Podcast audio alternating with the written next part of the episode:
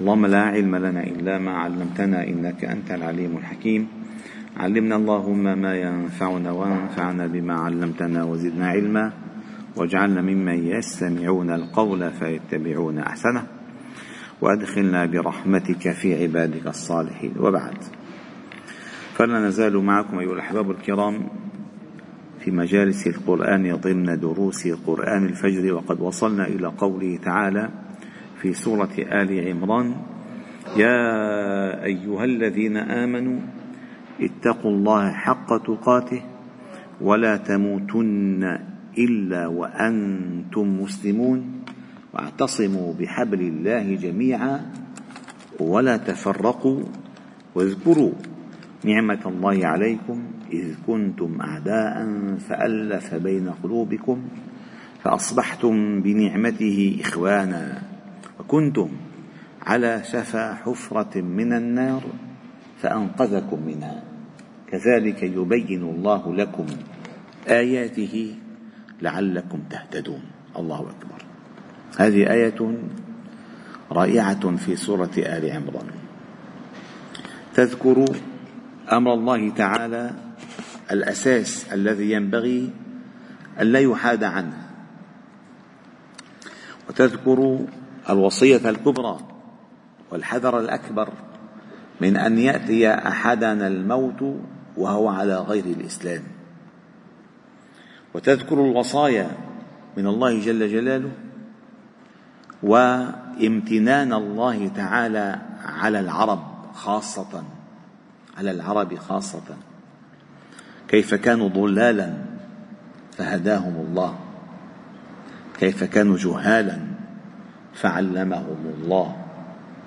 كيف كانوا متنازعين متفرقين متناحرين فألف الله بين قلوبهم. كيف كانوا متباعدين فأصبحوا بنعمة الله إخوانا.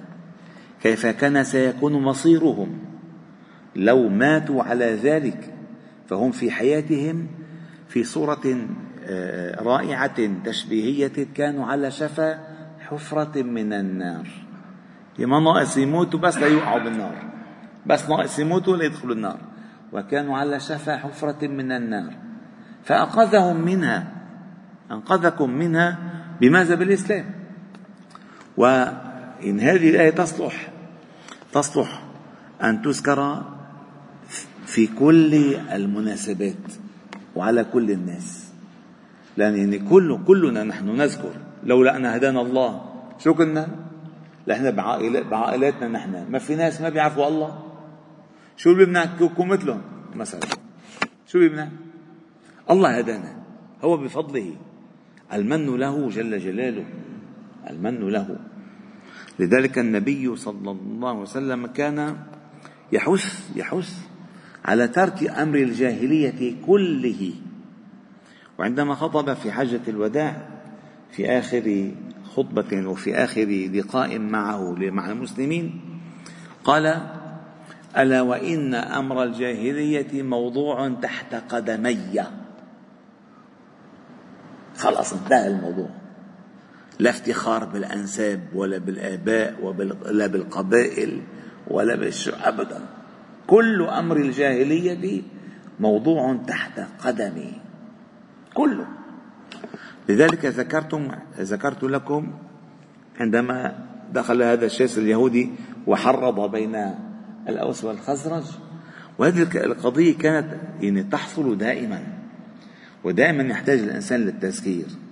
وقد ذكر أهل التفسير قصة جميلة في ما يساق في هذه الآية. قال كان بين الأوس والخزرج عداوة في الجاهلية. وقتال حتى هاجر إليهم النبي صلى الله عليه وسلم فأصلح بينهم. فافتخر بعده منهم رجلان. ثعلبة بن غنم من الأوس وأسعد بن زرارة من الخزرج. وهلا لو منشوف بقاش افتخروا منفكر افتخروا بعنترة وبالشعر وب أبدا. افتخروا بشيء يفتخر به. يفتخروا بشيء يفتخر به. ومع ذلك لا تجعل ما من الله تعالى به عليك مدعاة للفخر على غيرك. لأنه سيؤدي بالعداوة. سيؤدي حتما بالعداوة. فقال فقال الأوسي الأوسي منا خزيمة بن ثابت ذو الشهادتين الذي جعل النبي صلى الله عليه وسلم شهادته بشهادة رجلين قال منا خزيمة بن ثابت ذو الشهادتين ومنا حنظلة غسيل الملائكة ومنا عاصم غسيل الملائكة. هذه قصته مشهورة عندما آه، نادى المنادي في الجهاد فوصله الخبر وكان معرسا بليل فترك أهله وامتطى فرسه ولبى نداء الجهاد وحي هلا حي هلا إلى جنات عدن فإنها منازلنا الأولى وفيها المخيم ويا رياح الجنة هبي ويا فرس الله اركبي. وراح. ولكن ما اغتسل ما اغتسل فرزقه الله الشهادة. فأتت الملائكة غسلته. فالنبي قال هذه الملائكة تغسله. فهو غسيل الملائكة. فكان الأوسي يقول ومنا ومنا آه، آه، غسيل الملائكة حنظلة. ثم قال ومنا عاصم ابن ثابت ابن أفلح من حماه الله تعالى بالدبر الدبر الدبور الدبورات الدبور. قال كان آه، كان قتل من قريش قتيلا. فنذرت قريش لتمثلن به. فمات. فأتت بدها تمثل فيه فأرسل الله تعالى الدبير تحميه. فما استطاعوا أن يقربوا من قبره أبدا. أبدا. فبماذا يفتخر؟ بشيء يفتخر به. الأوسي أنه منا الشهادتين رجل بشهادتين ومنا غسيل الملائكة ومنا من أرسل الله تعالى له الدبير ليحموه. فقال ومنا سعد بن معاذ الذي اهتز عرش الرحمن لموته. سبحان الله. ورضي بحكمه من فوق سبع سماوات شيء افتخر به. فقال الخزرجي ومنا أربعة أحكموا القرآن. بشهادة النبي صلى الله عليه وسلم أبي بن كعب ومعاذ بن جبل وزيد بن ثابت وأبو زيد ومنا سعد بن عبادة خطيب الأنصار ورئيسهم فجرى الحديث فيما بينهما فغضبا وبدأ بإنشاد الأشعار الحماسية وقالوا السلاح السلاح فأنزل الله تعالى هذه الآيات يا أيها الذين آمنوا اتقوا الله حق تقاته. حتى بهذا لا تفتخروا على بعضكم البعض.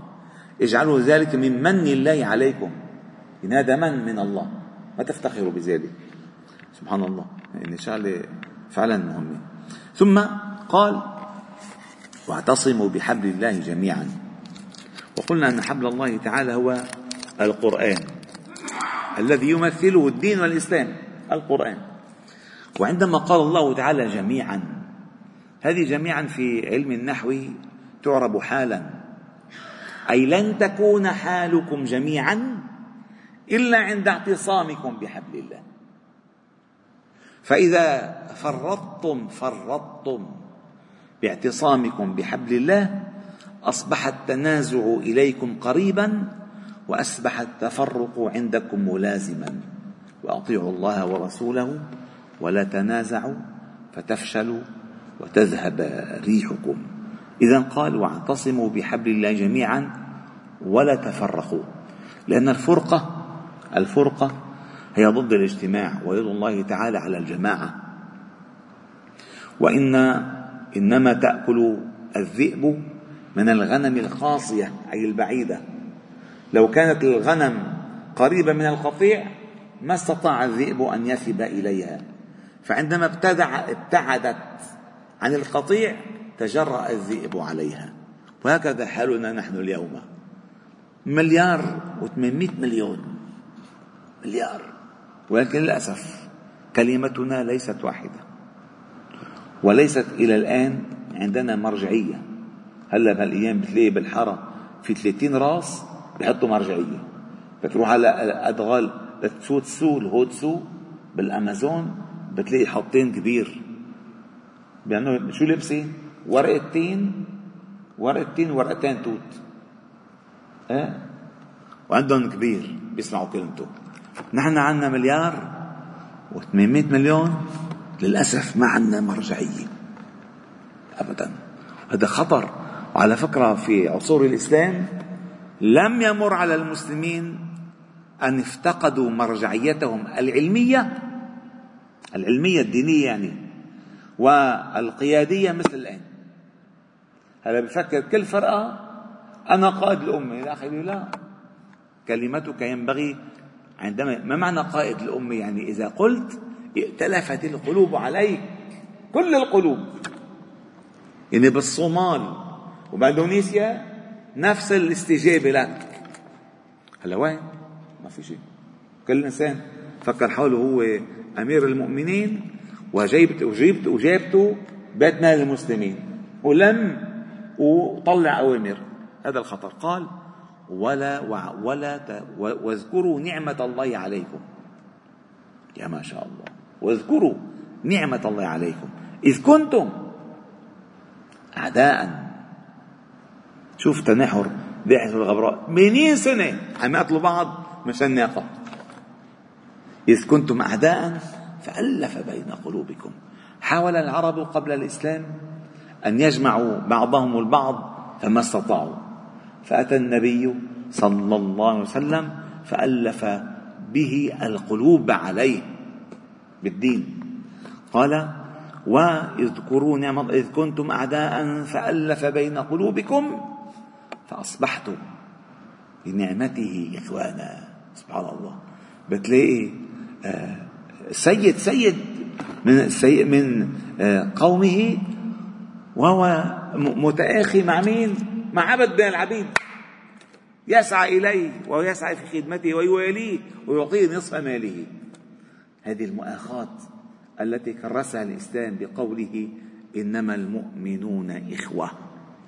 اعتصموا بحبل الله جميعا ولا تفرقوا. واذكروا نعمة الله عليكم إذ كنتم أعداء فأصبحتم بنعمته إخوانا. الله تعالى آخى بينكم. فكنتم إخوانا. الإخوة في النسب والإخوان في الدين كما ذكر بعض العلماء. الأخوة وبعض العلماء قالوا بل الأخوة الإسلام أقوى من أخوة النسب. أخوة الإسلام أقوى من أخوة النسب. فأصبحتم بنعمته إخوانا وكنتم على شفا حفرة من النار فأنقذكم منها.